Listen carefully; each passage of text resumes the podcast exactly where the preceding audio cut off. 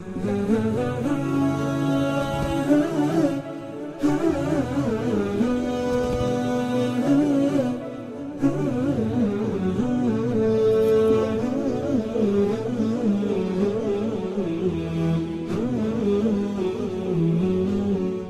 الله الرحمن الرحيم الحمد لله رب العالمين وصلى الله وسلم وبارك على سيدنا ونبينا محمد وعلى اله وصحبه اجمعين اللهم علمنا ما ينفعنا وانفعنا بما علمتنا وارزقنا جميعا الإخلاص والسداد في القول والعمل واجعلنا جميعا من أهل القرآن العاملين به والقائمين بحقه كما ينبغي. حياكم الله في هذا اللقاء السادس والعشرين بعد المئة من لقاءات التعليق على تفسير الإمام عبد الله بن عمر البيضاوي الشافعي رحمه الله تعالى واليوم هو الثاني والعشرون من رجب. من عام, من عام 1439 للهجرة. وكنا وقفنا عند قوله تعالى ويستفتونك في النساء وهي الآية رقم 127 من سورة النساء. فلعلنا نبدأ بها في هذا الدرس بإذن الله. تفضل يا شيخ محمد بسم الله والحمد لله والصلاة والسلام على رسول الله صلى الله عليه وسلم. اللهم اغفر لنا ولشيخنا وللحاضرين وللمسلمين أجمعين. قال الإمام البيضوي رحمه الله ويستفتونك في النساء في, في ميراثهن إذ سبب نزوله أن عيينة بن حصن أتى النبي صلى الله عليه وسلم فقال أخبرنا أنك تعطي الابنة النصف والأخت النصف وإنما كنا نورث من يشهد القتال ويجوز الغنيمة. فقال عليه الصلاة والسلام كذلك أمرت.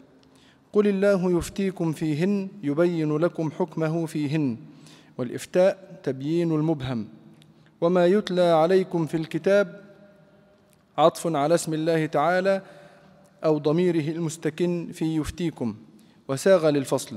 فيكون الإفتاء مسندا إلى الله سبحانه وتعالى وإلى ما في القرآن من قوله تعالى يوصيكم الله ونحوه. والفعل الواحد ينسب إلى فاعلين مختلفين باعتبارين مختلفين ونظيره أغناني زيد وعطاؤه أو أو استئناف معترض لتعظيم المتلو عليهم. على أن ما يتلى عليكم مبتدأ وفي الكتاب خبره والمراد به اللوح المحفوظ ويجوز أن ينصب على معنى ويبين لكم ما يملى عليكم أو يخفض على القسم كأنه قيل وأقسم بما يتلى عليكم في الكتاب ولا يجوز عطفه على المجرور فيهن في فيهن لاختلاله لفظا ومعنى لاختلاله لفظا ومعنى في يتامى النساء صلة يتلى. إن عطف الموصول على ما قبله أي يتلى عليكم في شأنهن وإلا فبدل من فيهن أو صلة أخرى ليفتيكم. على معنى الله يفتيكم فيهن بسبب يتامى النساء. كما تقول كلمتك اليوم في زيد. وهذه الإضافة بمعنى من لأنها إضافة الشيء إلى جنسه. وقرئ يياما بياءين على أنه أياما فقلبت همزته ياء. اللاتي لا تؤتونهن ما كتب لهن أي فرض لهن من الميراث وترغبون أن تنكحوهن أي في أن, في أن تنكحوهن أو عن أن تنكحوهن. فإن أولياء اليتامى كانوا يرغبون فيهن إن كن جميلات ويأكلون مالهن وإلا كانوا يعضلونهن طمعا في ميراثهن. والواو تحتمل الحال والعطف. وليس فيه دليل على جواز تزويج اليتيمة إذ لا يلزم من الرغبة في نكاحها جريان العقد, جريان العقد في صغرها. والمستضعفين من الولدان عطف على يتامى النساء والعرب ما كانوا يورثونهم كما لا يورثون كما لا يورثون النساء. وأن تقوموا لليتامى بالقسط أيضا عطف عليه أي ويفتيكم أو ما يتلى في أن تقوموا. هذا إذا جعلت في يتامى صلة لأحدهما فإن جعلته بدلا فالوجه نصبهما عطفا على موضع فيهن. ويجوز أن ينصب وأن, وأن تقوموا بإضمار فعل أي بإضمار فعل أي ويأمركم أن تقوموا. وهو خطاب للأئمة في أن ينظروا لهم ويستوفوا حقوقهم أو للقوام بالنصفة في شأنهم. وما تفعلوا من خير فإن الله كان به عليما وعد لمن آثر الخير في ذلك. نعم بسم الله الرحمن الرحيم. يقول الله سبحانه وتعالى ويستفتونك في النساء قل الله يفتيكم فيهن وما يتلى عليكم في الكتاب في يتامى النساء اللاتي لا تؤتونهن ما كتب لهن وترغبون أن تنكحوهن والمستضعفين من الولدان وأن تقوموا لليتامى بالقسط وما تفعلوا من خير فإن الله كان به عليما. قلنا في بداية تفسير سورة النساء أنها كانت أن موضوعها الأساسي هو في حقوق الضعفاء في حقوق الضعفاء وأبرزهم هم النساء واليتامى والولدان بمعنى الغلمان ونحوها. فهؤلاء يعني تكرر الحديث عنهم. لاحظوا كيف مر معنا الحديث في أول السورة عن تقسيم المواريث ويعني توزيع التركات ثم رجع مرة أخرى هنا يتحدث عن نفس القضية. فيقول ويستفتونك في النساء والمقصود في حقوقهن وبالذات في مواريث النساء. فالله يقول ويستفتونك في النساء. قال البيضاوي في ميراثهن. ولاحظوا هنا في التفسير كيف أنه يستفتونك في النساء عامة. قد يكون في في خلقة النساء أو في كيف خلق الله النساء أو لا. هنا يستفتونك في النساء عامة لكن المقصود بها في نصيبهن من الميراث بالذات. ولذلك البيضاوي قال في ميراثهن. لماذا خصصت هنا؟ قال إذ سبب نزوله وذكر سبب النزول يورث من يشهد القتال ويحوز الغنيمة. يحوز الغنيمة مكتوب في الكتاب يجوز الغنيمة. هذا تصحيف. يحوز يعني يستطيع أن يحارب ويحصل على الغنيمة. فقال عليه الصلاة والسلام كذلك أمرت. إذن سبب نزول هذه الآية هو سؤال عيينة بن حصن وبعض من كان معه. في بعض الروايات أنه غير عيينة بن حصن لكن الجمع بينها أنها كانت مجموعة أسئلة من من عيينة وغيره في آه، كيف تعطى المرأة من الترك؟ والعرب كانوا يغمطون المرأة حقها في الجاهلية. فما كانت تورث عفوا تورث مرة. ما كانت تورث. ولا كان يورث إلا من كان يحارب ويقاتل كما ذكر آه، عيينة هنا. وعيينة بن حصن الفزاري هو من المؤلفة قلوبهم كما تعلمون في القصة أنه جاء إلى النبي صلى الله عليه وسلم وأعطاه آه، مئة من الإبل من باب تأليف قلبه للدخول في الإسلام. وقد وقد وقع فعلا ودخل في الإسلام بعد ذلك. قل الله يفتيكم فيهن. لاحظوا أنه السؤال الله يقول يستفتونك الخطاب للنبي صلى الله عليه وسلم. ولكن الذي أفتى هو الله وليس النبي صلى الله عليه وسلم. ولاحظوا هذه القضية ذكرناها في أكثر من موضع. في أول السورة قلنا أن الله سبحانه وتعالى هو الذي تولى قسمة التركة بنفسه حتى يقطع كل نزاع يتعلق بالأموال. وقلنا أن قضايا الأموال قضايا حساسة ولذلك الله سبحانه وتعالى نبه إليها وشدد عليها في القرآن الكريم بنفسه فذكر قسمة التركة بنفسه. يوصيكم الله في أولادكم وذكرها. وأيضا قسمة التركة بين الزوجين. ثم هنا أيضا يقول ويستفتونك يا محمد؟ قل الله يفتيكم. لم يقل قل لهم كذا كما في بقية الآيات صح؟ يسألونك عن الخمر والميسر قل فيهما إثم كبير. فيعني ذكر له السؤال وذكر له الجواب على لسان النبي صلى الله عليه وسلم. لكن هنا قال يستفتونك في النساء؟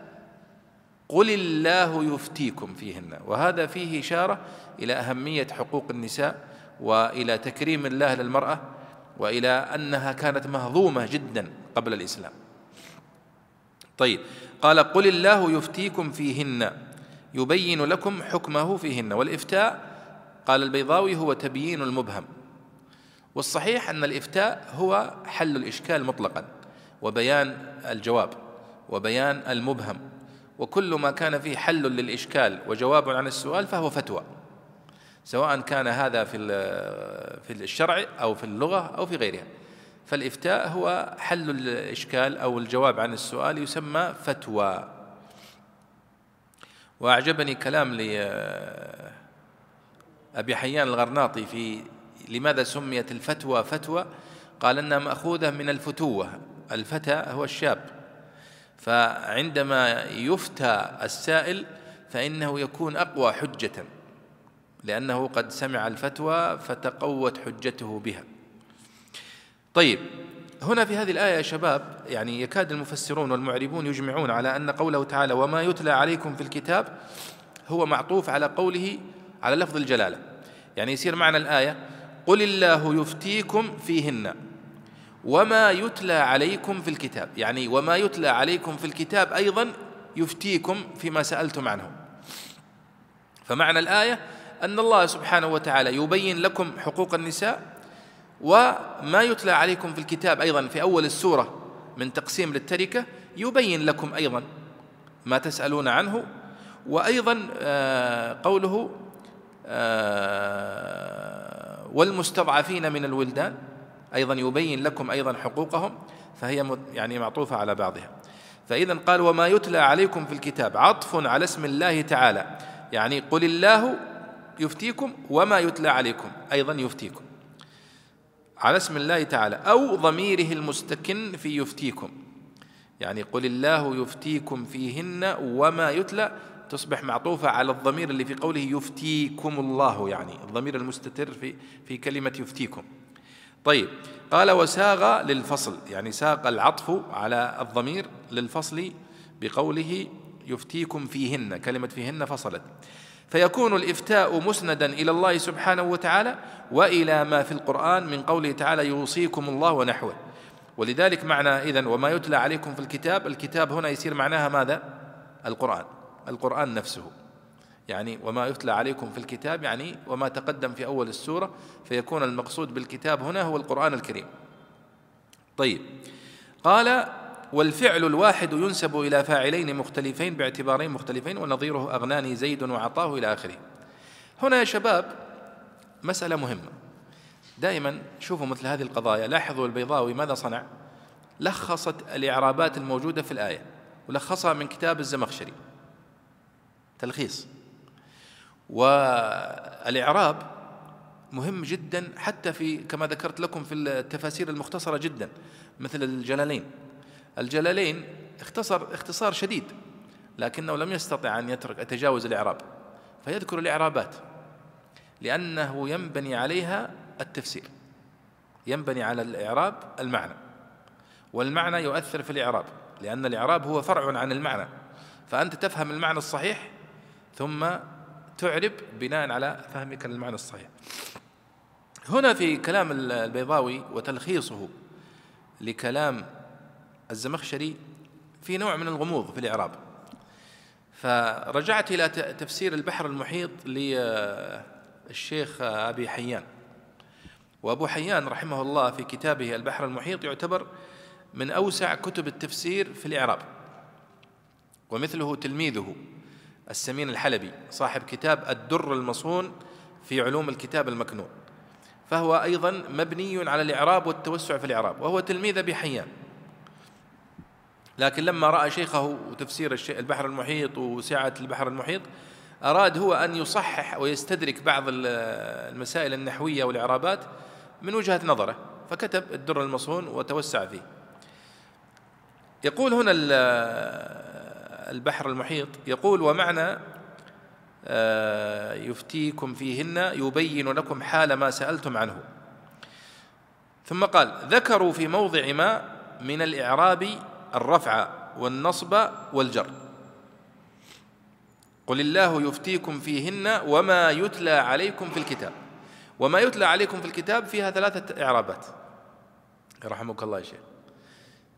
إما أن تكون مرفوعة على أنها معطوفة. يعني الله يفتيكم فيهن وما يتلى عليكم في الكتاب يفتيكم أيضا. فيكون معطوف على فاعل مرفوع. ماذا يقول ابن أبو حيان؟ يقول فالرفع من ثلاثة أوجه أحدها أن يكون معطوفا على اسم الله أي الله يفتيكم والمتلو في الكتاب في معنى اليتامى. قال الزمخشري يعني قوله وإن خفتم ألا تقسطوا في اليتامى وهو من قولك أعجبني زيد وكرمه. وهذا اللي نقلها البيضاوي أنه قد يعني يأتي على الفاعل الواحد فعلا. انتهى. والثاني أن يكون معطوفا على الضمير المستكن في يفتيكم. وحسنه الفصل بينهما بالمفعول والجار والمجرور. الثالث وطبعا هذا ذكره الزمخشري أيضا. الثالث أن يكون ما يتلى مبتدأ. وفي الكتاب خبره على أنها جملة معترضة. والمراد بالكتاب هنا اللوح المحفوظ. إذن وليس القرآن.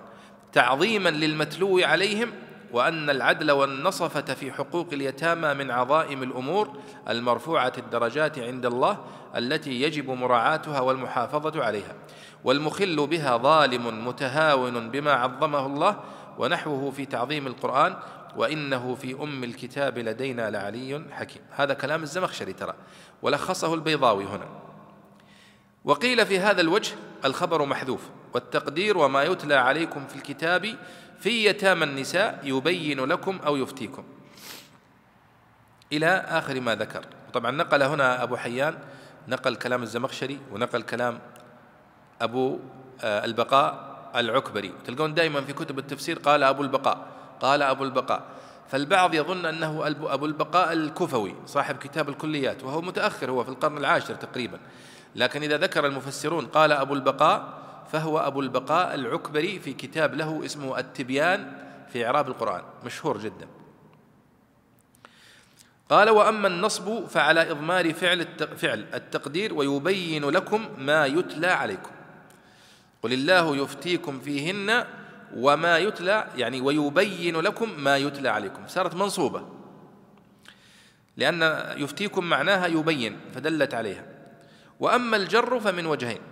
أحدهما أن تكون الواو للقسم يعني والله ما يتلى عليكم في الكتاب إلى آخره. كأنه قال وأقسم بما يتلى عليكم في الكتاب والقسم بمعنى التعظيم وهذا الإعراب ذكره الزمخشري. والثاني أن يكون معطوفا على الضمير المجرور في فيهن. قاله محمد بن أبي موسى. قال ابن عطية شوفوا وما يتلى عليكم فيهن أنها مجرورة. معطوفة على وما يتلى عليكم فيهن. طبعا البيضاوي يقول شوفوا وش يقول البيضاوي. قال ولا يجوز عطفه على المجرور في فيهن لاختلاله لفظا ومعنى. وهذا الكلام من البيضاوي هو تقليد للزمخشري. بالضبط. وذكرت لكم في أكثر من موضع أن الزمخشري لديه جرأة في تخطئة ما يرد في القراءات. ولذلك هو خطأ قراءة حمزة واتقوا الله الذي تساءلون به والأرحام. خطأها الزمخشري وردها بقوة ومثله ابن عطية. وابن أبو حيان يعني آه، يرد على هذه يعني الأخطاء النحوية. فهنا يرد على هذا الكلام يقول وهو لا يجوز قال ولا يجوز عطفه على المجرور في فيهن لاختلاله لفظا ومعنى فقال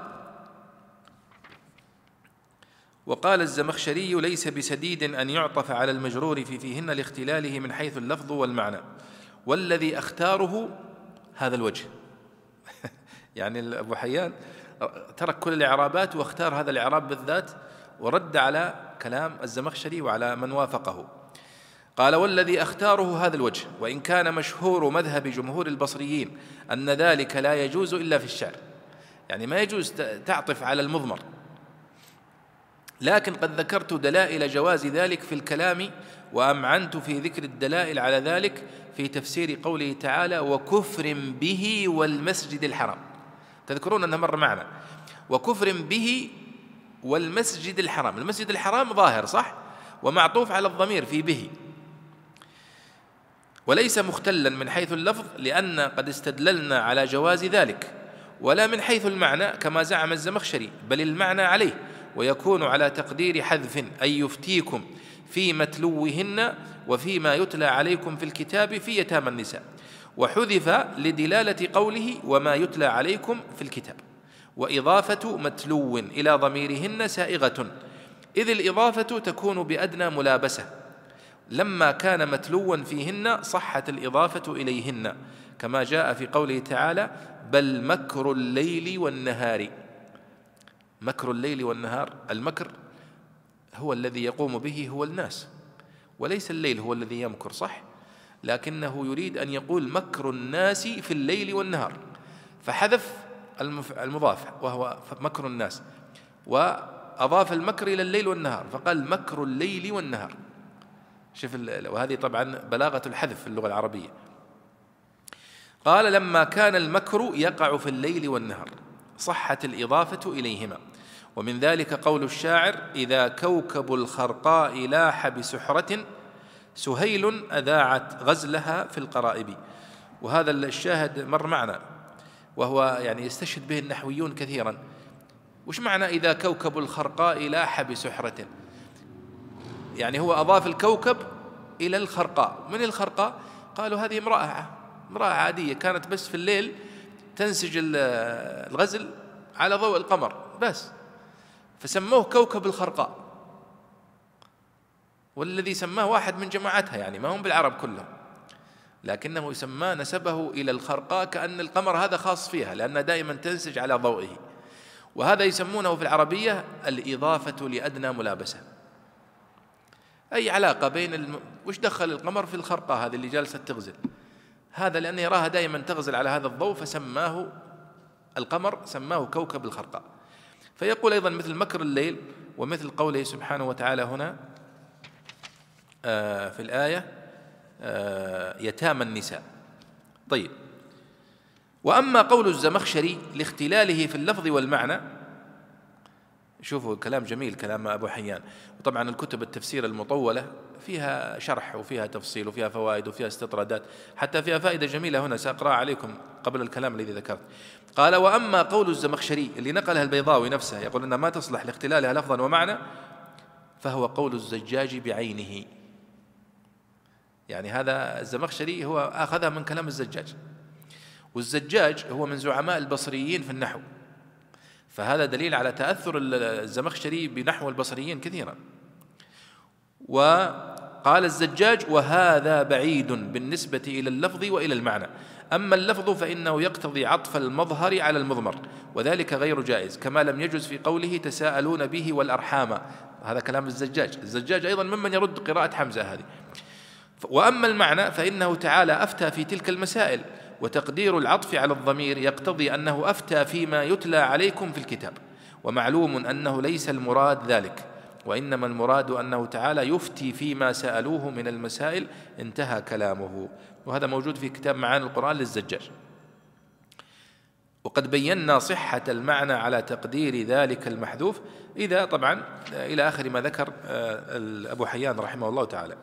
فإذا أبو حيان نستفيد منه يا شباب في مثل هذه القضايا. تجد بعض القضايا النحوية والإعرابات التي تغمض عليك في تفسير البيضاوي مثلا أو الزمخشري أو حتى في الطبري. لأن الطبري نحوي لكن عباراته فيها أحيانا صعوبة ومصطلحاته أيضا فيها صعوبة. لأن مصطلحات الطبري يغلب عليها أنها مصطلحات كوفية. استفادها كثيرا من الفراء في كتابه معاني القرآن.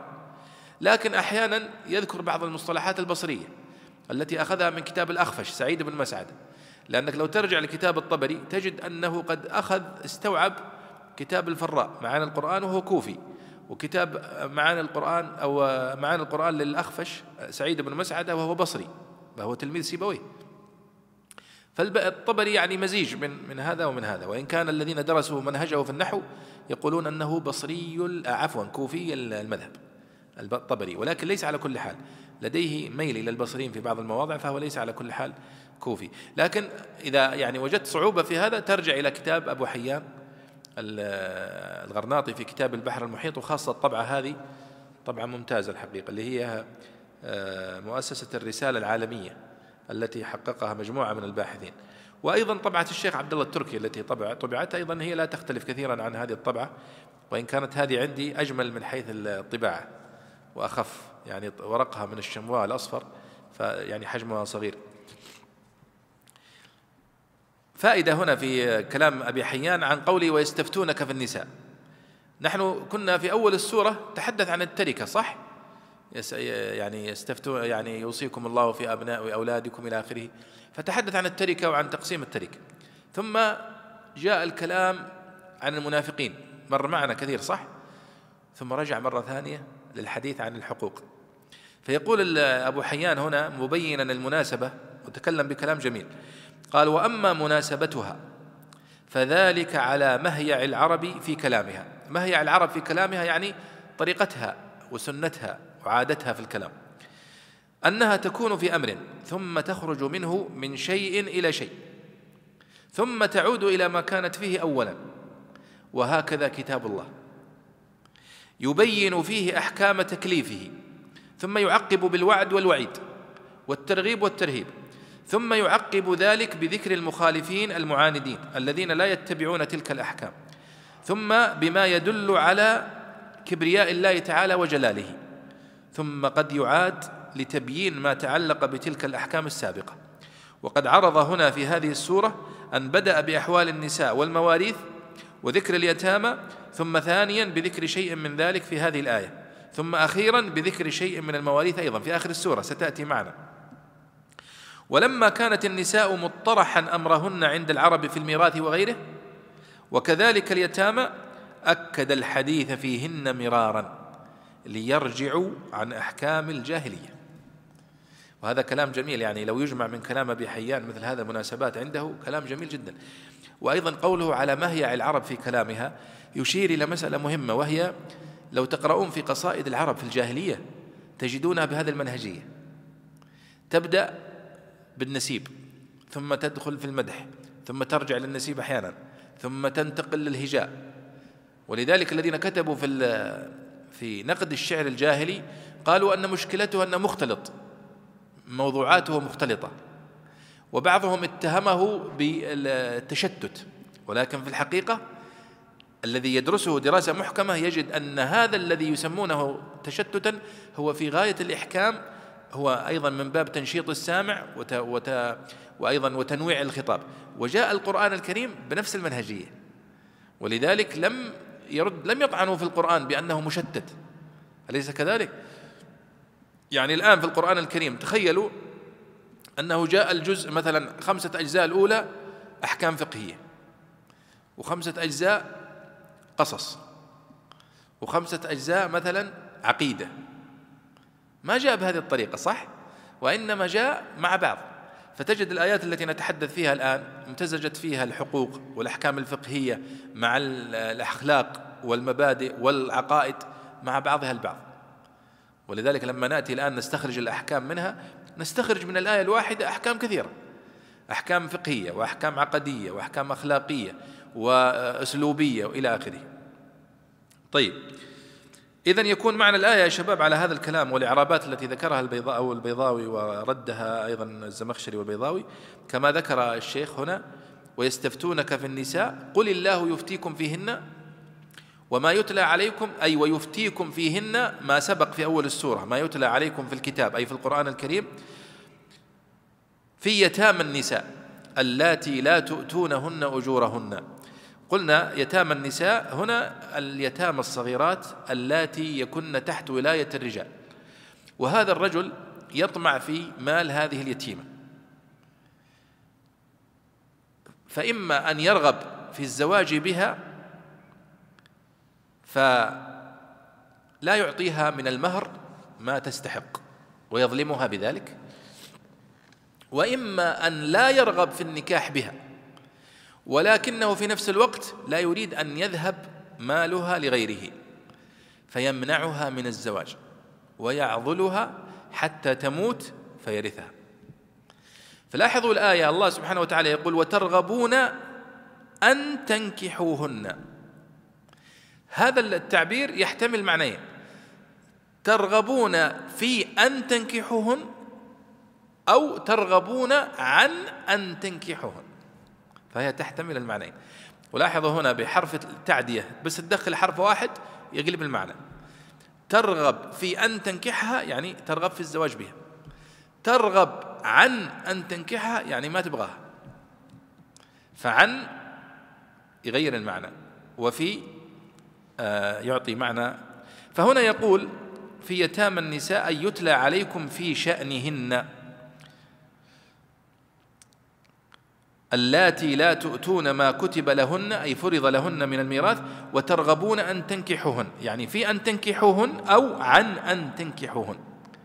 فإن أولياء اليتامى كانوا يرغبون فيهن إن كن جميلات ويأكلون ما لهن من التركة يعني. وإلا كانوا يعضلونهن طمعا في ميراثهن. والواو تحتمل الحال والعطف. وليس فيه دليل على جواز تزويج اليتيمة يعني وهي صغيرة. إذ لا يلزم من الرغبة في نكاحها جريان العقد في صغرها وإنما حتى تكبر يعني. والمستضعفين من الولدان أي أن الله سبحانه وتعالى يفتيكم في شأنهن. وفي شأنهم عفوا. والمستضعفين من الولدان هم الصغار والأيتام من من الأبناء. عطف على يتامى النساء والعرب ما كانوا يورثونهم كما لا يورثون النساء أيضا. وأن تقوموا لليتامى بالقسط يعني قد قد ذكر الله لكم في الكتاب وأفتاكم وأمركم بأن تقوموا لليتامى بالقسط يعني أنت بالعدل يعني. وهو خطاب للأئمة في أن ينظروا لهم ويستوفوا حقوقهم أو للقوام بالنصفة في شأنهم. يعني الله سبحانه وتعالى يخاطب هنا الأولياء أولياء اليتامى ويخاطب أيضا القضاة ويخاطب الأمراء بأن يحموا هذه الفئة الضعيفة في المجتمع. وسبحان الله شوفوا يعني التاريخ مستمر يعني. في زماننا هذا وفي الأزمنة الماضية الضعفاء ما زالوا هم يعني النساء يستضعفون كثيرا ولا يشعر بذلك إلا القضاة في المحاكم. أو الذين يعملون في مواطن يعني آه، مطالبة الناس بالحقوق مثل الأحوال المدنية وغيرها. فتجد يعني النساء كم التي تظلم من زوجها أو تظلم من أوليائها أو تظلم من أقاربها أو تحرم من الميراث في مواضع كثيرة في العالم. والإسلام قد جاء لإنصافهم وإعطائهم حقوقهم. ولذلك لما جاء عيينة بن حصن إلى النبي صلى الله عليه وسلم مستغرب من هذا الجديد في الموضوع.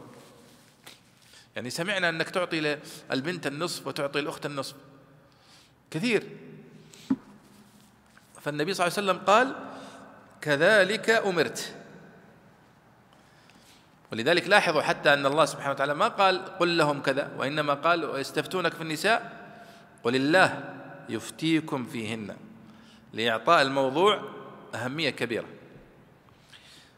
وما تفعلوا من خير فإن الله كان به عليما. هو وعد لمن آثر الخير في ذلك. طيب تفضل يا شيخ أحمد.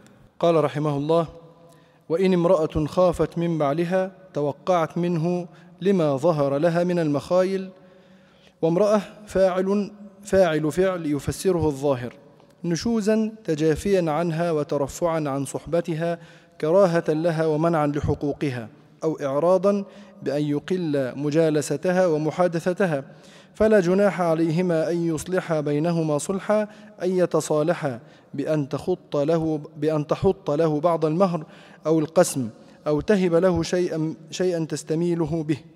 وقرأ الكوفيون أن يصلحا من أصلح بين المتنازعين. وعلى هذا جاز أن ينصب صلحا على المفعول به. وبينهما ظرف أو حال منه. أو على المصدر كما في القراءة الأولى. والمفعول بينهما أو هو محذوف. وقرئ يصلح من, من يصلح من الصلح بمعنى اصطلح. وقرئ يصلح يصلح. نعم. وقرئ يصلح من من الصلح بمعنى اصطلح. والصلح خير من الفرق من الفرق من الفرقة أو سوء العشرة أو أو من الخصومة ولا يجوز أن يراد به التفضيل بل بيان أنه من الخيور كما أن الخصومة من الشرور. وهو اعتراض وكذا قوله وأحضرت الأنفس الشح. ولذلك اغتفر عدم مجانستهما. والأول للترغيب في المصالحة والثاني في التمهيد والثاني لتمهيد العذر في المماسكة. ومعنى إحضار المماكسة يعني المكاسرة. المماكسة نعم. معذرة. والثاني لتمهيد العذر في المماكسة. ومعنى إحضار الأنفس الشح جعلها حاضرة له مطبوعة عليه. فلا تكاد المرأة تسمح بالإعراض عنها والتقصير في حقها ولا الرجل يسمح بأن يمسكها ويقوم بحقها بحقها على ما ينبغي إذا كرهها أو أحب غيرها. وإن تحسنوا في العشرة وتتقوا النشوز والإعراض ونقص الحق فإن الله كان بما تعملون من الإحسان والخصومة عليما عليما به وبالغرض فيه فيجازيكم عليه. أقام كونه عليما بأعمالهم مقام إثباته إياهم عليها الذي إثابته آه، إياهم. مقام إثابته معذرة شيخ. مقام إثابته إياهم عليها الذي هو في الحقيقة جواب الشرط وإقامة للسبب مقام المسبب. نعم. لاحظوا هنا أن الله سبحانه وتعالى ذكر يعني آه، حقوق النساء. يستفتونك في ويستفتونك في النساء قل الله يفتيكم فيهن. وتكلمنا أن المقصود بها الميراث حقوقها من حيث الميراث. الآن يأتي إلى حق آخر لها وهو حق الزوجة في العشرة الطيبة من زوجها. والله سبحانه وتعالى قد أمرنا بذلك فقال وعاشروهن بالمعروف. في مواضع كثيرة في القرآن الكريم والسنة النبوية التي يعني تعطي للمرأة مكانتها وحقها والمحافظة على مشاعرها والحياة الكريمة في حياة الزوجة إلى آخره. هنا الله سبحانه وتعالى مر معنا في آيات آه، وفي في الآيات التي مرت معنا في معالجة نشوز الزوجة صح؟ في قوله سبحانه وتعالى فعظوهن آه، في فعظوهن واهجروهن في المضاجع واضربوهن صح؟ ثم هنا معالجة المرأة ماذا تفعل إذا آنست من زوجها نشوزا أو ترفعا أو إعراضا وهناك ماذا يصنع الرجل إذا وجد من زوجته نفس القضية فلاحظوا كيف يعني عالج القرآن نشوز الزوجة وكيف عالج نشوز الزوجة. وهذه تحتاج يعني التدقيق أيها الإخوة في كيف يعني راعى الإسلام وراعى الله سبحانه وتعالى في معالجة هذه القضايا الفطرة البشرية. يعني لم يقل هنا وإن امرأة خافت من بعلها نشوزا أو إعراضا فلتعظه ثم لتهجره ثم لتضربه. نفس طرق التعامل مع الزوجة. لا وإنما مباشرة قال وإن امرأة خافت من بعلها نشوزا أو إعراضا فلا جناح عليهما أن يصلحا بينهما صلحا والصلح خير. وأحضرت الأنفس الشح. وإن تحسنوا وتتقوا فإن الله كان بما تعملون خبيرا. فالله سبحانه وتعالى هنا يعني يظهر موضوع الصلح وخيرية الصلح والتنازل والتسامح إذا آنست الزوجة من زوجها نفور أو إعراض. في حين الزوج عندما يؤنس من زوجته ذلك فإنه يعظها وله حق أن يؤدبها. طيب. يقول هنا وإن امرأة خافت من بعلها خافت هنا معناها توقعت. لما ظهر لها من المخايل. يعني صارت تشوف عليه تصرفات غريبة آنست منه يتركها يهجرها يترفع عن مجالستها ومحادثتها ويعني مضاجعتها هذه كلها علامات قلق. فقال الله سبحانه وتعالى إذا لمست منه مثل هذه الأشياء ما يمنع أنها يعني تتفاهم معه بالصلح. والصلح أحيانا قد يكون بشكل مباشر معه أو إدخال وسيط. ممكن.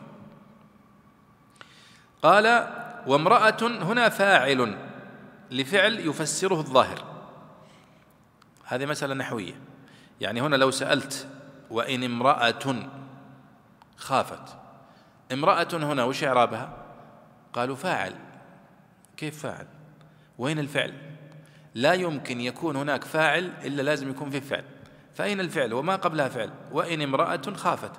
قالوا فاعل لفعل تقديره كما يدل عليه الذي جاء بعده.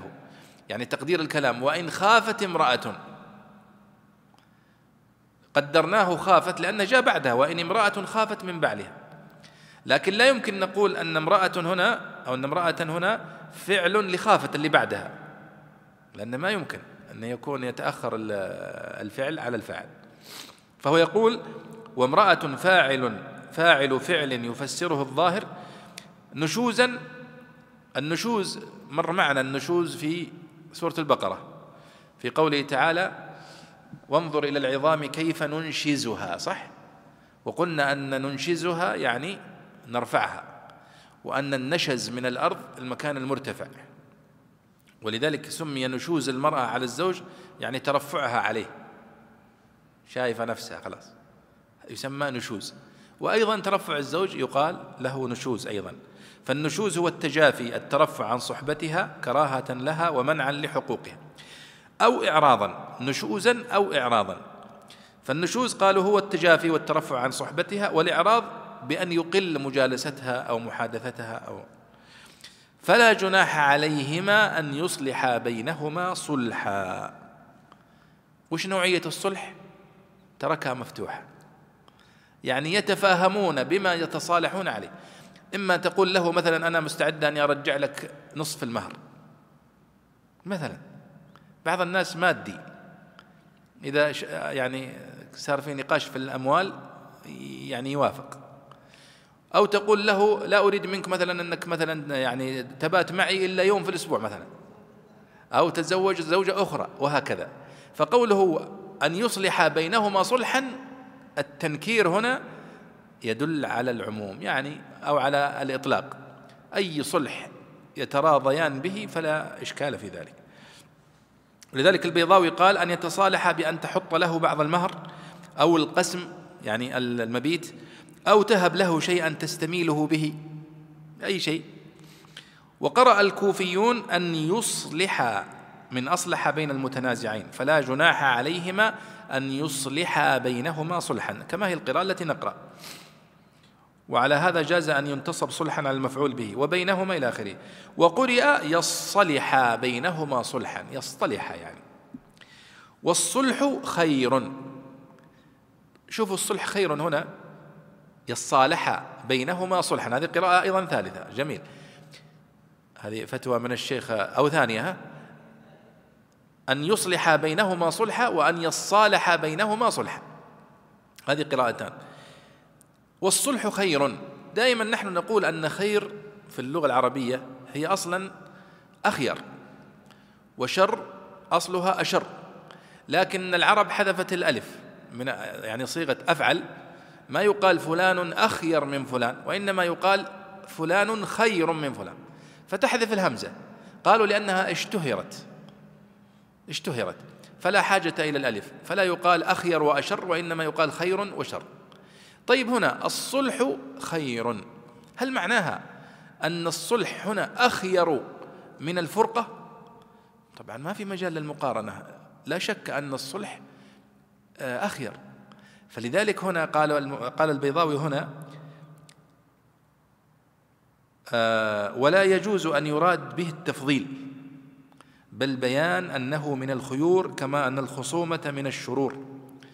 فهو يريد أن يقول هنا أن الله يقول والصلح كله خير. وليس المقصود أن الصلح يفاضل بين الصلح وبين الفرقة فإن لا يفاضل بينهما فالصلح على كل حال أفضل. فإذا ليست هنا من باب التفضيل لأن الفرقة ليس فيها خير مطلقا. واضح هذا يا شباب؟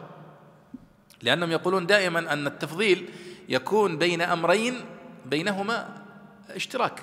فيقال فلان عالم وفلان أعلم. فبينهما اشتراك في العلم لكن هذا أعلم. فالفرقة ليس فيها خير مطلقا. فليس بينها وبين الصلح أي اشتراك في الخيرية. فإذا ليست خير هنا تفضيل وإنما هي من باب الصفة. أي أحسنت. ومن ولا ولا أمة مؤمنة خير من مشركة أيضا. هو من هذا الباب. قال وأحضرت الأنفس الشح. ولذلك اغتفر عدم مجانستهما. والأول للترغيب في المصالحة يعني قوله والصلح خير للترغيب في المصالحة. والثاني لتمهيد العذر في المماكسة وهي قوله وأحضرت الأنفس الشح. يعني كأن الله سبحانه وتعالى يقول ويأمر الزوجة والزوج بأن يحرصا على الصلح. ثم يحثهما على ذلك فيقول والصلح خير. ثم يلتمس العذر لكل واحد منهما عند الاختلاف بقوله وأحضرت الأنفس الشح. معناها أن في هذا الموقف يحضر الشح. كل واحد يقول حقي حقي. فكأن الشح هذا شخص حاضر موجود معهم فيقول لا تستغرب أيها الزوج من تشدد زوجتك في حقوقها في هذا الموقف. ولا تستغربين أيتها الزوجة من تشدد زوجك في هذا الموقف في حقوقه. لأن الشح مجبولة عليه النفوس. ولذلك الله سبحانه وتعالى يقول ومن يوق شح نفسه فأولئك هم المفلحون. لذلك دائما اللي يتنازل هو الأفضل وهو اللي استطاع أن يكبت هذا الشح اللي في نفسه وهو أقرب للفلاح لأن الله يقول من يوق شح نفسه فأولئك هم المفلحون. والشح ليس على كل حال يعني صفة مذمومة مثل البخل. الشح غريزة في النفس وهو الحرص. مطلق الحرص يسمى شحا. ولذلك الله سبحانه وتعالى قال ومن يوق شح نفسه فوصف. والنبي صلى الله عليه وسلم عندما قال ولكن يعني آه، وأن تصدق وأنت آه، صحيح شحيح. صح؟ يعني الصدقة والإنسان صحيح وحريص. هو الذي له يعني أجر عظيم وليس أن ينفق الإنسان بعد أن يكون آه، مودع. يعني يصبح الإنسان في آخر حياته فيتصدق أعطوا فلان كذا. مقبولة طبعا لكنها ليست مثل أنك تنفق وأنت محتاج للمال وفي صحتك وفي عافيتك وفي شبابك. هذا دليل أنك أنفقت عن صدق وعن إخلاص. طيب. قال والثاني لتمهيد العذر في المماكسة. ومعنى إحضار طبعا هذا توجيه من البيضاوي بلاغي.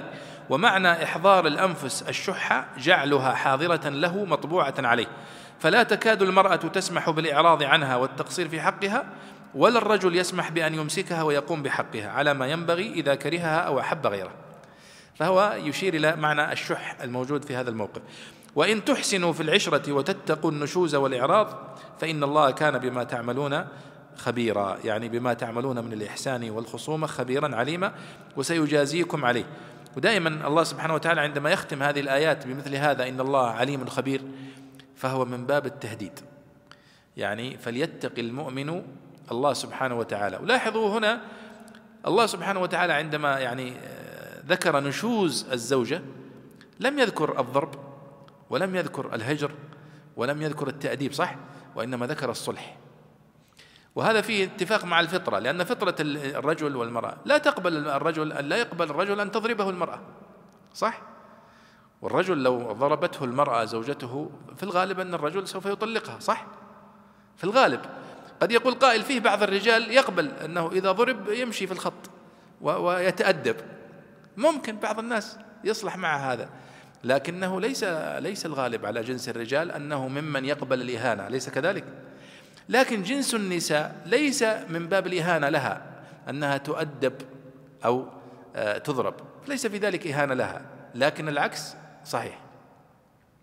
طيب آه قال وأقام كونه عالما بأعمالهم مقام إثابته إياهم عليها. الذي هو في الحقيقة جواب الشرط إقامة للسبب مقام المسبب. يعني وإن وإن تحسنوا وتتقوا فإن الله كان بما تعملون خبيرا. يعني من باب فسيجازيكم على ذلك. تفضل يا أحمد. قال رحمه الله ولن تستطيعوا أن تعدلوا بين النساء لأن العدل ألا يقع ميل البتة وهو متعذر. فلذلك كان رسول الله صلى الله عليه وسلم يقسم بين نسائه فيعدل ويقول هذا قسمي فيما أملك فلا تؤاخذني فيما تملك ولا أملك. ولو حرصتم أي على تحري ذلك وبالغتم فيه. فلا تميلوا كل الميل بترك المستطاع والجور على المرغوب عنها فإن ما لا يدرك كله لا يترك جله. فتذروها كالمعلقة التي ليست ذات بعل ولا مطلقة. وعن النبي صلى الله عليه وسلم من كانت له امرأتان يميل مع, مع إحداهما جاء يوم القيامة وأحد شقيه مائل. وإن تصلحوا ما كنتم تفسدون من أمورهن وتتقوا فيما يستقبل من الزمان فإن الله كان غفورا رحيما يغفر لكم ما مضى من ميلكم.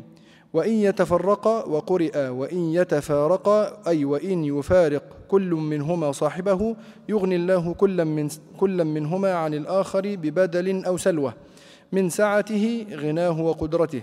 وكان الله واسعا حكيما مقتدرا متقنا في أفعاله وأحكامه. نعم. يعني كأن هذا التماس أيضا للرجل. يعني هذا توسيع للعذر للرجل بأنه ليس المطلوب من الرجل عندما يؤمر بالعدل بين الزوجات ويعني الإنصاف بينهن أنه يستطيع أن يعدل مئة بالمئة. فالله سبحانه وتعالى يقول ولن تستطيعوا أن تعدلوا بين النساء. ولو حرصتم. لأنه قد يقول قائل لا أنا أختلف أنا عن الناس أنا حريص. فقال الله ولو حرصتم فهذا فيه نوع من السعة على الرجل. لكن قال فلا تميلوا كل الميل فتذروها كالمعلقة. يعني تميل إلى إحداهما أو إلى إحدى نسائك ميلا شديدا والأخرى تهملها إهمالا شديدا. هذا ظلم واضح. فيقول فتذروا فتذروا هذه المهملة كالمعلقة. التي هي ليست مطلقة فتتزوج وليست بذات زوج لأنك مهملها. هذا معنى الآية. يقول ولن تستطيعوا أن تعدلوا بين النساء لأن العدل هو أن لا يقع ميل البتة وهو متعذر. الإنسان ضعيف صح؟ فذلك ولذلك كان رسول الله صلى الله عليه وسلم يقسم بين نسائه يعني في الوقت. يا أذهب عند هذه ليلة وهذه ليلة وهذه ليلة هذا قسم آه، وقت عادي. ويقول هذا قسمي فيما أملك فلا تؤاخذني فيما تملك ولا أملك. قال ولو حرصتم أي على تحري ذلك وبالغتم فيه. فلا تميلوا كل الميل بترك المستطاع والجور على المرغوب عنها فإن ما لا يدرك كله لا يترك جله. قال فتذروها كالمعلقة أي التي ليست ذات بعل ولا مطلقة. وعن النبي صلى الله عليه وسلم قال من كانت له امرأتان يميل مع إحداهما جاء يوم القيامة وأحد شقيه مائل كما في الحديث الصحيح. وإن تصلحوا وتتقوا فإن الله كان غفورا رحيما وهذه دعوة للرجوع لمن كان يظلم ومن كان يجور في حق زوجاته فليعد إلى الصواب. وإن يتفرقا يغني الله كلا من سعته. لاحظوا أنه قال في ال... وإن امرأة خافت من بعلها نشوزا وعراضا صح؟ امرأة وبعلها. ثم قال ولن تستطيعوا أن تعدلوا بين النساء. ثم قال وإن يتفرقا. الضمير يعود يتفرقا. إلى يعود إلى من؟ إلى من؟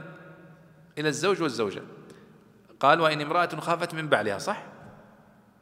قال وإن يتفرقا وقرئ وإن يتفارقا. أي وإن يفارق كل منهما صاحبه؟ يغني الله كلا من سعته. يعني يغني كل منهما عن الآخر ببدل أو بسلوى من سعته يعني من فضله من غناه من رزقه. وكان الله واسعا حكيما يعني مقتدرا متقنا في أفعاله وأحكامه.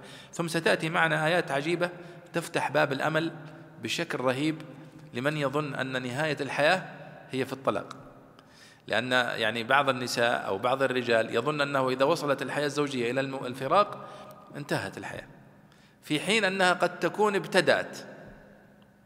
ولذلك قال وإن يتفرق يغني الله كلا من سعته. شوفوا كيف عبر.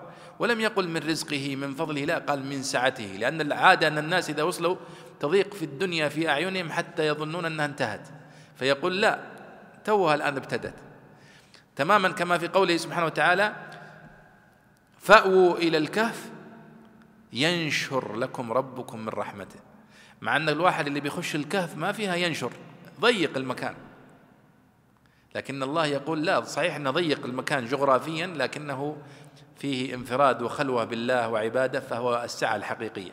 فكذلك هنا يعني قال وإن يتفرق يغني الله كلا من سعته شوفوا كيف تدرج هنا. ذكر الله سبحانه وتعالى في التعامل مع الزوجة يعني درجات الوعظ والهجر والتأديب ثم ذكر مع الزوج الصلح التنازل الصبر. وسبحان الله يعني في هذا الجانب يعني المرأة ينبغي أن تدرك هذه الحقيقة أن المرأة التي تصبر على زوجها أو على جفائه أو على سوء خلقه أو على أن هذا يعني أولا هو من الجهاد ومن الاحتساب ومن باب الأجر العظيم. والنبي صلى الله عليه وسلم قد ذكر أنها إذا مات الرجل وهو راض عن زوجته من ماتت وزوجها عنها راض دخلت الجنة. وإلى آخره من ذكر ما ذكر حقوق الزوج. وأن يعني طاعة الزوج والمبالغة في طاعته والتقرب إلى الله بطاعته باب من أعظم أبواب الجنة. الذي ينبغي للمرأة أن تدركه. لأن بعض النساء اليوم تظن أن الأمر بطاعة الزوج هو نوع من الامتهان للمرأة. وعدم المساواة وهي تريد أنها تنفصل وتريد أن تستقل ولا تريد أن يكون لها يعني تحتاج إلى توقيع من زوجها أو من ولي أمرها.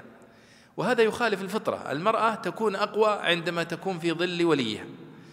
أما في ظل والدها أو في ظل أخيها أو في ظل زوجها أو في ظل ابنها فهي مخدومة. يعني المرأة المسلمة مخدومة في كل مراحل حياتها. وهذا هو يعني قوة لها وعزة لها وإكرام لها.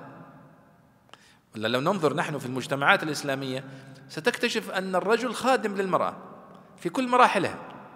يخدمها وهي أمه ويخدمها وهي بنته ويخدمها وهي زوجته ويخدمها وهي أخته وهكذا. هي مخدومة على كل حال يعني مأمور كل من حولها بأن يخدمها. ولذلك هنا أرشد إلى قضية الصلح مع الزوج أن هذه الطريقة المثلى. فإذا لم يتم مثل هذا ولم يتيسر فباب الأمل وباب الرزق وباب يعني السعادة مفتوح. وإن يتفرق يغني الله كلا من سعته لذلك يذكرون عن آه، جعفر بن محمد الصادق أنه جاءه رجل يشتكي من الفقر فقال له تزوج فتزوج. فلم تنتهي مشكلته وبقي في الفقر. فلم فجاء يشكو إليه فقال طلق زوجتك. فاستغرب الذين حوله. قال لما جاءني وهو فقير في المرة الأولى وسألته هل أنت متزوج؟ قال لا. فأرشدته إلى الزواج لعله أن يكون من أصحاب قوله تعالى وأنكحوا الأيام منكم والصالحين من عبادكم وإمائكم. إن يكونوا فقراء يغنيهم الله من فضله. فلما رأيت أنه ليس من أهل هذه الآية أمرته بالطلاق قلت لعله أن يكون من أصحاب هذه الآية. وإن يتفرق يغني الله كلا من سعته. قال البيضاوي هنا وإن يتفرقا وقرئ وإن يتفارقا يغني الله كلا منهما عن الآخر ببدل أو سلوى. وكان الله واسعا حكيما مقتدرا متقنا في أفعاله وأحكامه. دعونا نقرأ الآيات التي بعدها يا شيخ أحمد. شوف كيف أن الله بعد هذه يعني الحل. خلاص يعني انفصال الزوج عن زوجته. شوفوا كيف يذكر أن الله كل شيء بيده. الرزق بيده الملك بيده التوفيق بيده. حتى لا ييأس الزوج ولا تيأس الزوجة. تفضل.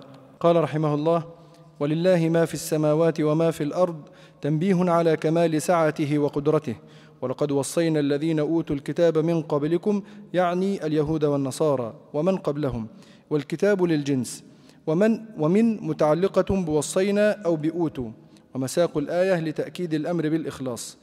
وإياكم عطف على الذين. أن اتقوا الله بأن اتقوا الله ويجوز أن تكون أن مفسرة لأن التوصية في معنى القول. وإن تكفروا فإن لله ما في السماوات وما في الأرض على إرادة القول أي وقلنا لهم ولكم إن تكفروا فإن الله مالك الملك مالك الملك كله.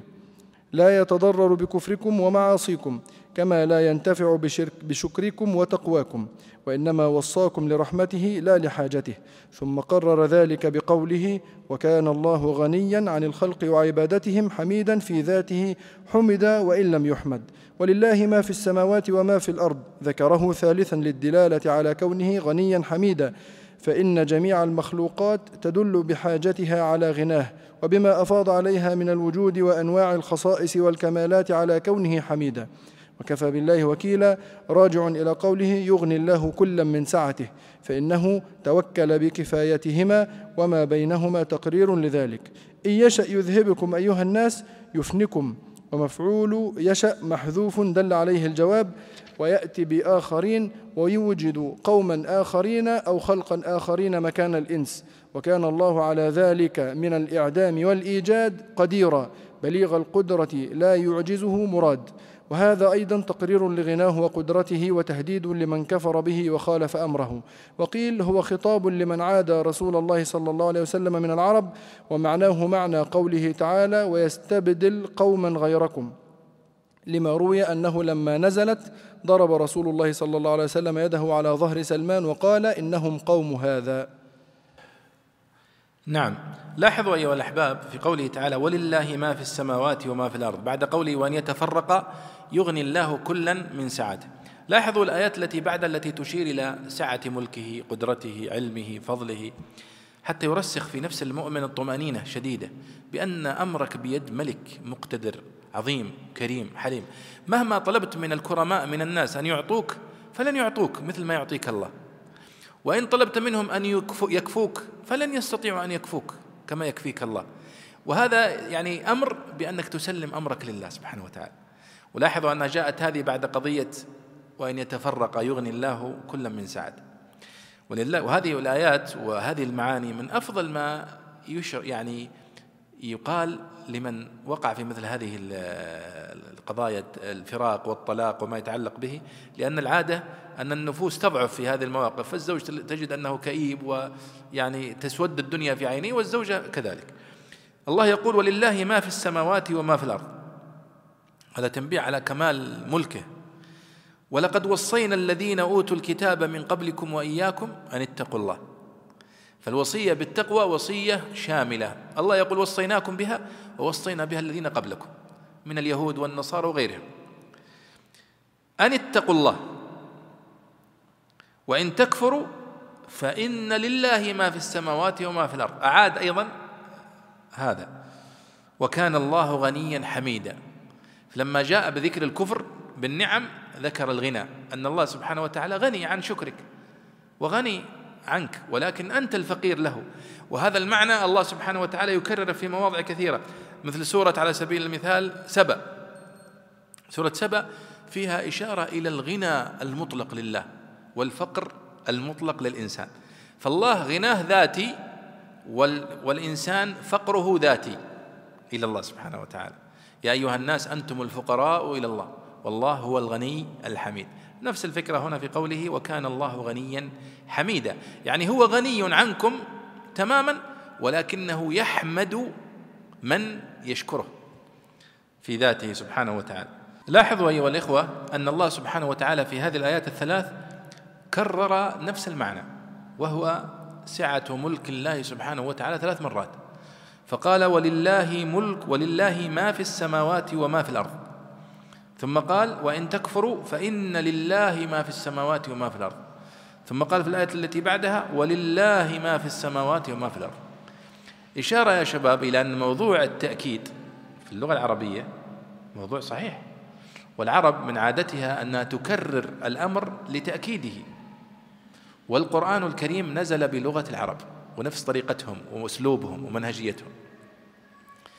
ودائما كتب اللغة وكتب التفسير تستشهد بقصيدة الحارث بن عباد البكري آه التي يقول فيها آه قربا مربط النعامة مني لقحت حرب وائل عن حيالي قربا مربط النعامة مني كررها يمكن عشرين مرة في القصيدة. فهذا إشارة إلى قضية التكرار والتأكيد يعني متلازمة وهي أسلوب من أساليب العرب وليس في ذلك غرابة لأن البعض أحيانا يعني يذهب ويحاول أن يذهب إلى معنى آخر غير التأكيد لكن التأكيد هو مقصد من المقاصد. ولذلك لاحظوا فبأي آلاء ربكما تكذبان؟ كم كررت؟ كثير صح؟ فبأي آلاء ربكما تكذبان؟ فبأي آلاء ربكم؟ وهكذا لتأكيد هذا المعنى وتكراره. طيب قال ولله ما في السماوات وما في الأرض وكفى بالله وكيلا. قال راجع إلى قوله يغني الله كلا من سعته فإنه توكل بكفايتهما وما بينهما تقرير لذلك. وهنا سؤال جميل أو يعني سؤال أحد الإخوان يقول في قوله تعالى وإن يتفرقا يغني الله كلا من سعته. ألا يستفاد منها؟ أن الله يغني الزوجين المتفرقين بعد أن يستجيبوا لما ذكره فيما سبق من حالات الوعظ والهجر والتأديب وبعث الحكمين ومعالجة نشوز الرجل وكأن الطلاق هو آخر الطرق وذلك عند امتداد أو انسداد صحيح هذا كلام صحيح جدا وكأن من يتقي الله سبحانه وتعالى في اتباع ما أمر الله به وإن أفادت واحدة من هذه المراحل وانتهت المشكلة فالحمد لله. وإن استمرت فمعنى ذلك أن هذا هو الحل الوحيد وسيجعل الله بعد عسر يسرا. قال الله سبحانه وتعالى إن يشأ يذهبكم أيها الناس ويأتي بآخرين وكان الله على ذلك قديرا. يعني فيه تهديد لمن يستطيل ظالما على زوجته. فأن الله سبحانه وتعالى يهدده بأنه إن كان هو لديه القدرة على ظلم الزوجة فإن الله قادر عليه. فليتذكر دائما هذا المعنى. يعني إن يشأ يذهبكم أيها الناس كلكم يفنكم ويأتي بآخرين. يعني بآخرين خير منكم وأكثر طاعة لله منكم. وكان الله على ذلك قديرا. قال البيضاوي هنا وهذا أيضا تقرير لغناه وقدرته وتهديد لمن كفر به وخالف أمره. وقيل هو خطاب لمن عاد رسول الله صلى الله عليه وسلم من العرب ومعناه معنى قوله تعالى ويستبدل قوما غيركم في سورة التوبة لما روي أنه لما نزلت هذه الآية ضرب رسول الله صلى الله عليه وسلم يده على ظهر سلمان الفارسي وقال إنهم قوم هذا. طبعا هذا توسيع لدلالة الآية. والآية وإن وردت في سياق كما تلاحظون سياق الحديث عن التفرق بين الزوج والزوجة إلا أننا دائما نقول أن العبرة دائما بعموم اللفظ. فمثل هذه الألفاظ أو هذه الآيات عامة تنطبق على كل الحالات. والله سبحانه وتعالى يقول إن يشاء يذهبكم أيها الناس ويأتي بآخرين وكان الله على ذلك قديرا. هذه قاعدة عامة ومعناها عام وليس فقط في سياق الحديث عن الطلاق أو غيره. طيب تفضل يا أحمد. قال رحمه الله من كان يريد ثواب الدنيا كالمجاهد يجاهد, يجاهد للغنيمة فعند الله ثواب الدنيا والآخرة فما له يطلب أخسهما فليطلبهما كمن يقول ربنا آتنا في الدنيا حسنة وفي الآخرة حسنة أو ليطلب, الأش أو ليطلب الأشرف منهما فإن من جاهد خالصا لله سبحانه وتعالى لم تخطئه الغنيمة وله في الآخرة ما هي في جنبه آه، كلا شيء. كلا شيء كلا شيء. نعم. أو فعند الله ثواب الدارين فيعطي كل ما يريده كقوله تعالى من كان يريد حرث الآخرة نزد له في حرثه. الآية.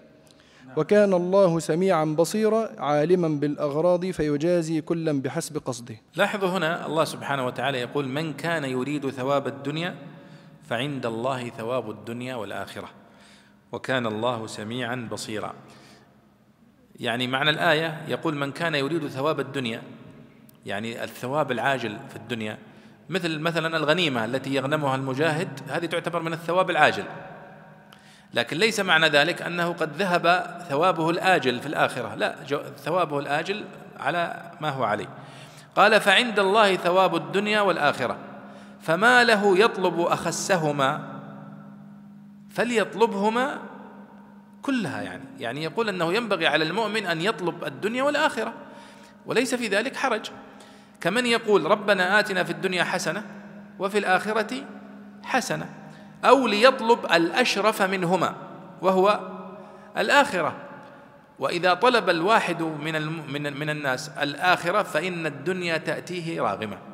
فإن من جاهد خالصا لله سبحانه وتعالى لم تخطئه الغنيمة. جاية جاية. وله في الآخرة ما هي في جنبه كلا شيء. يعني سوف يكون له من الأجر في الآخرة ما يعتبر ما أخذه في الدنيا لا شيء. أو فعند الله ثواب الدارين فيعطي كلا ما يريده. كقوله تعالى من كان يريد حرث الآخرة نزد له في حرثه. إلى آخره. وكان الله سميعا بصيرا أي عالما بالأغراض التي يقصدها كل واحد منا فيجازيه عليها. تفضل يا أحمد. قال رحمه الله يا أيها الذين آمنوا كونوا قوامين بالقسط مواظبين على العدل مجتهدين في إقامته. شهداء لله بالحق تقيمون شهادتكم لوجه الله سبحانه وتعالى وهو خبر ثان أو حال.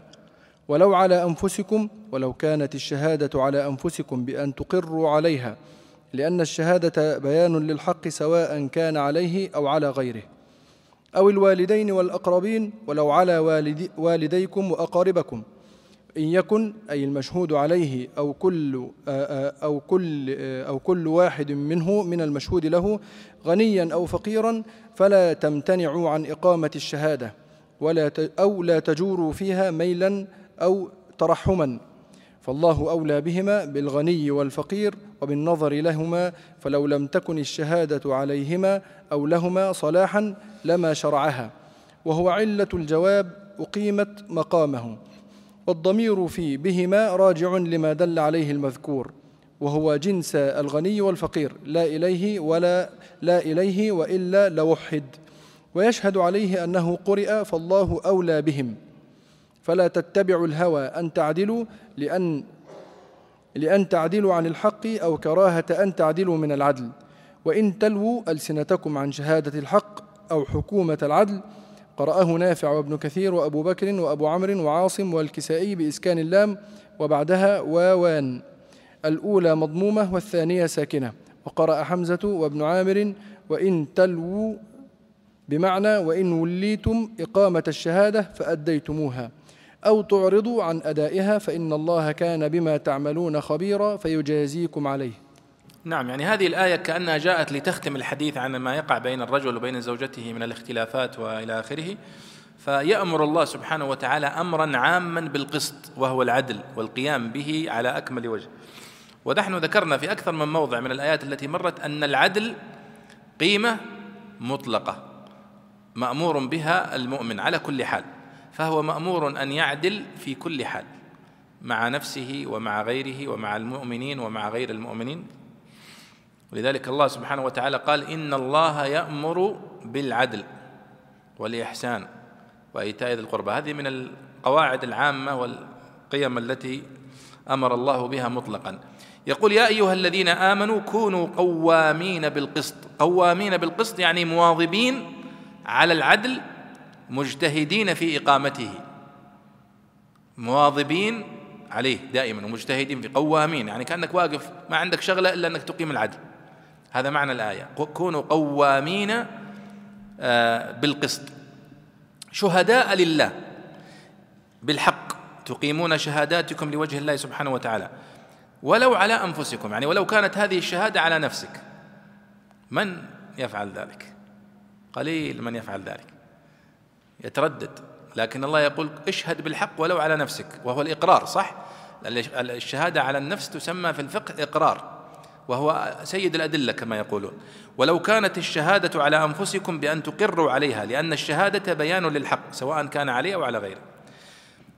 قال ولو على أنفسكم أو الوالدين والأقربين. لأن الإنسان يعني في العادة يتردد في انه يشهد على والديه صح؟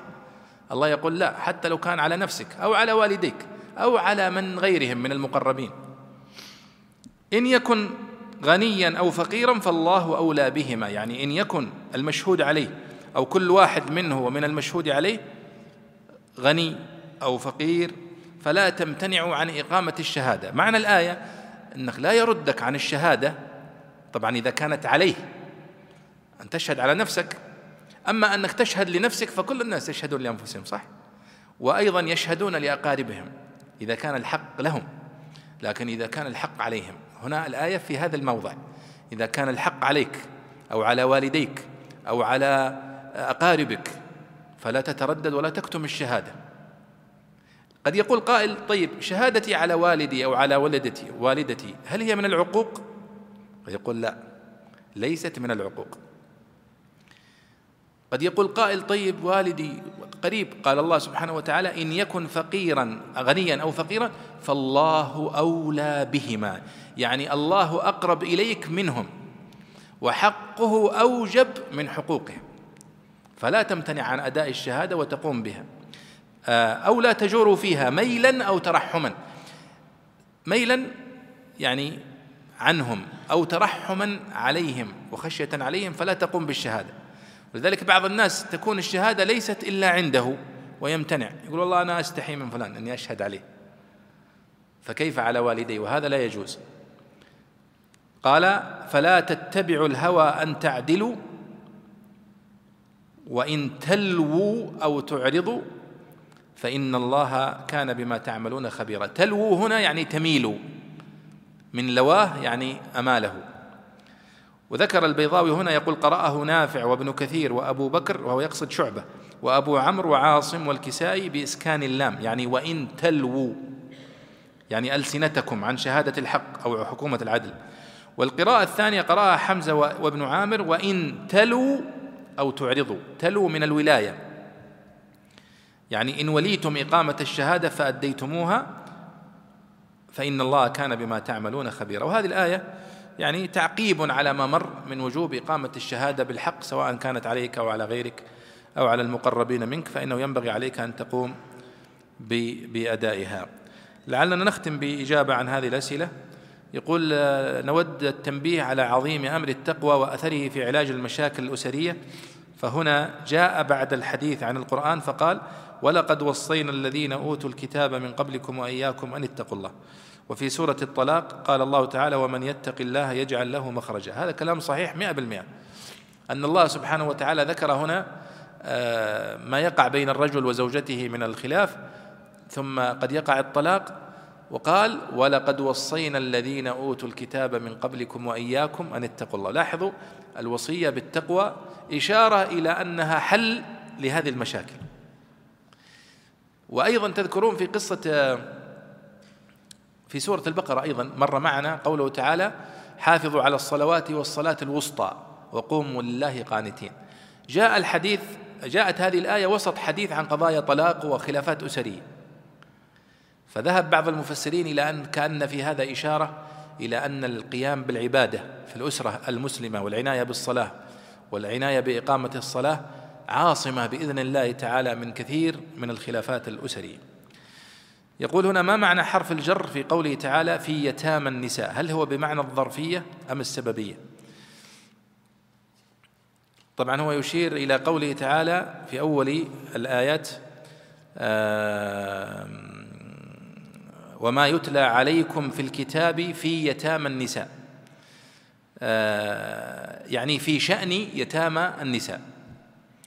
فهي أعربت على أنها سببية يعني بسبب آه، يعني شأن يتامى النساء وقيل أن المقصود بها في شأنهن يعني بحذف المضاف. وهنا سؤال آخر يقول في قوله تعالى يتامى النساء. معلوم من السنة أن اليتيم من مات والده قبل البلوغ. فهل المقصود بيتامى النساء الأيتام من البنات القاصرات؟ أم يشمل كل أنواع النساء؟ وكيف يمكن توجيه معنى اليتم في هذه الحالة؟ صحيح. المقصود آه، في يتامى النساء باعتبار ما كان بمعنى أنها تظلم اليتيمة وتحبس حتى تكبر وتتجاوز وصف اليتم فهو يتحدث عنها باعتبار ما كان. طيب لماذا عبر عنها بيتامى؟ استدرار للعطف وعطف للقلوب الأولياء على هؤلاء اليتيمات. وهذا يعني أسلوب من أساليب القرآن. قراءة الكوفيين هل هي بكسر اللام أم بفتحه؟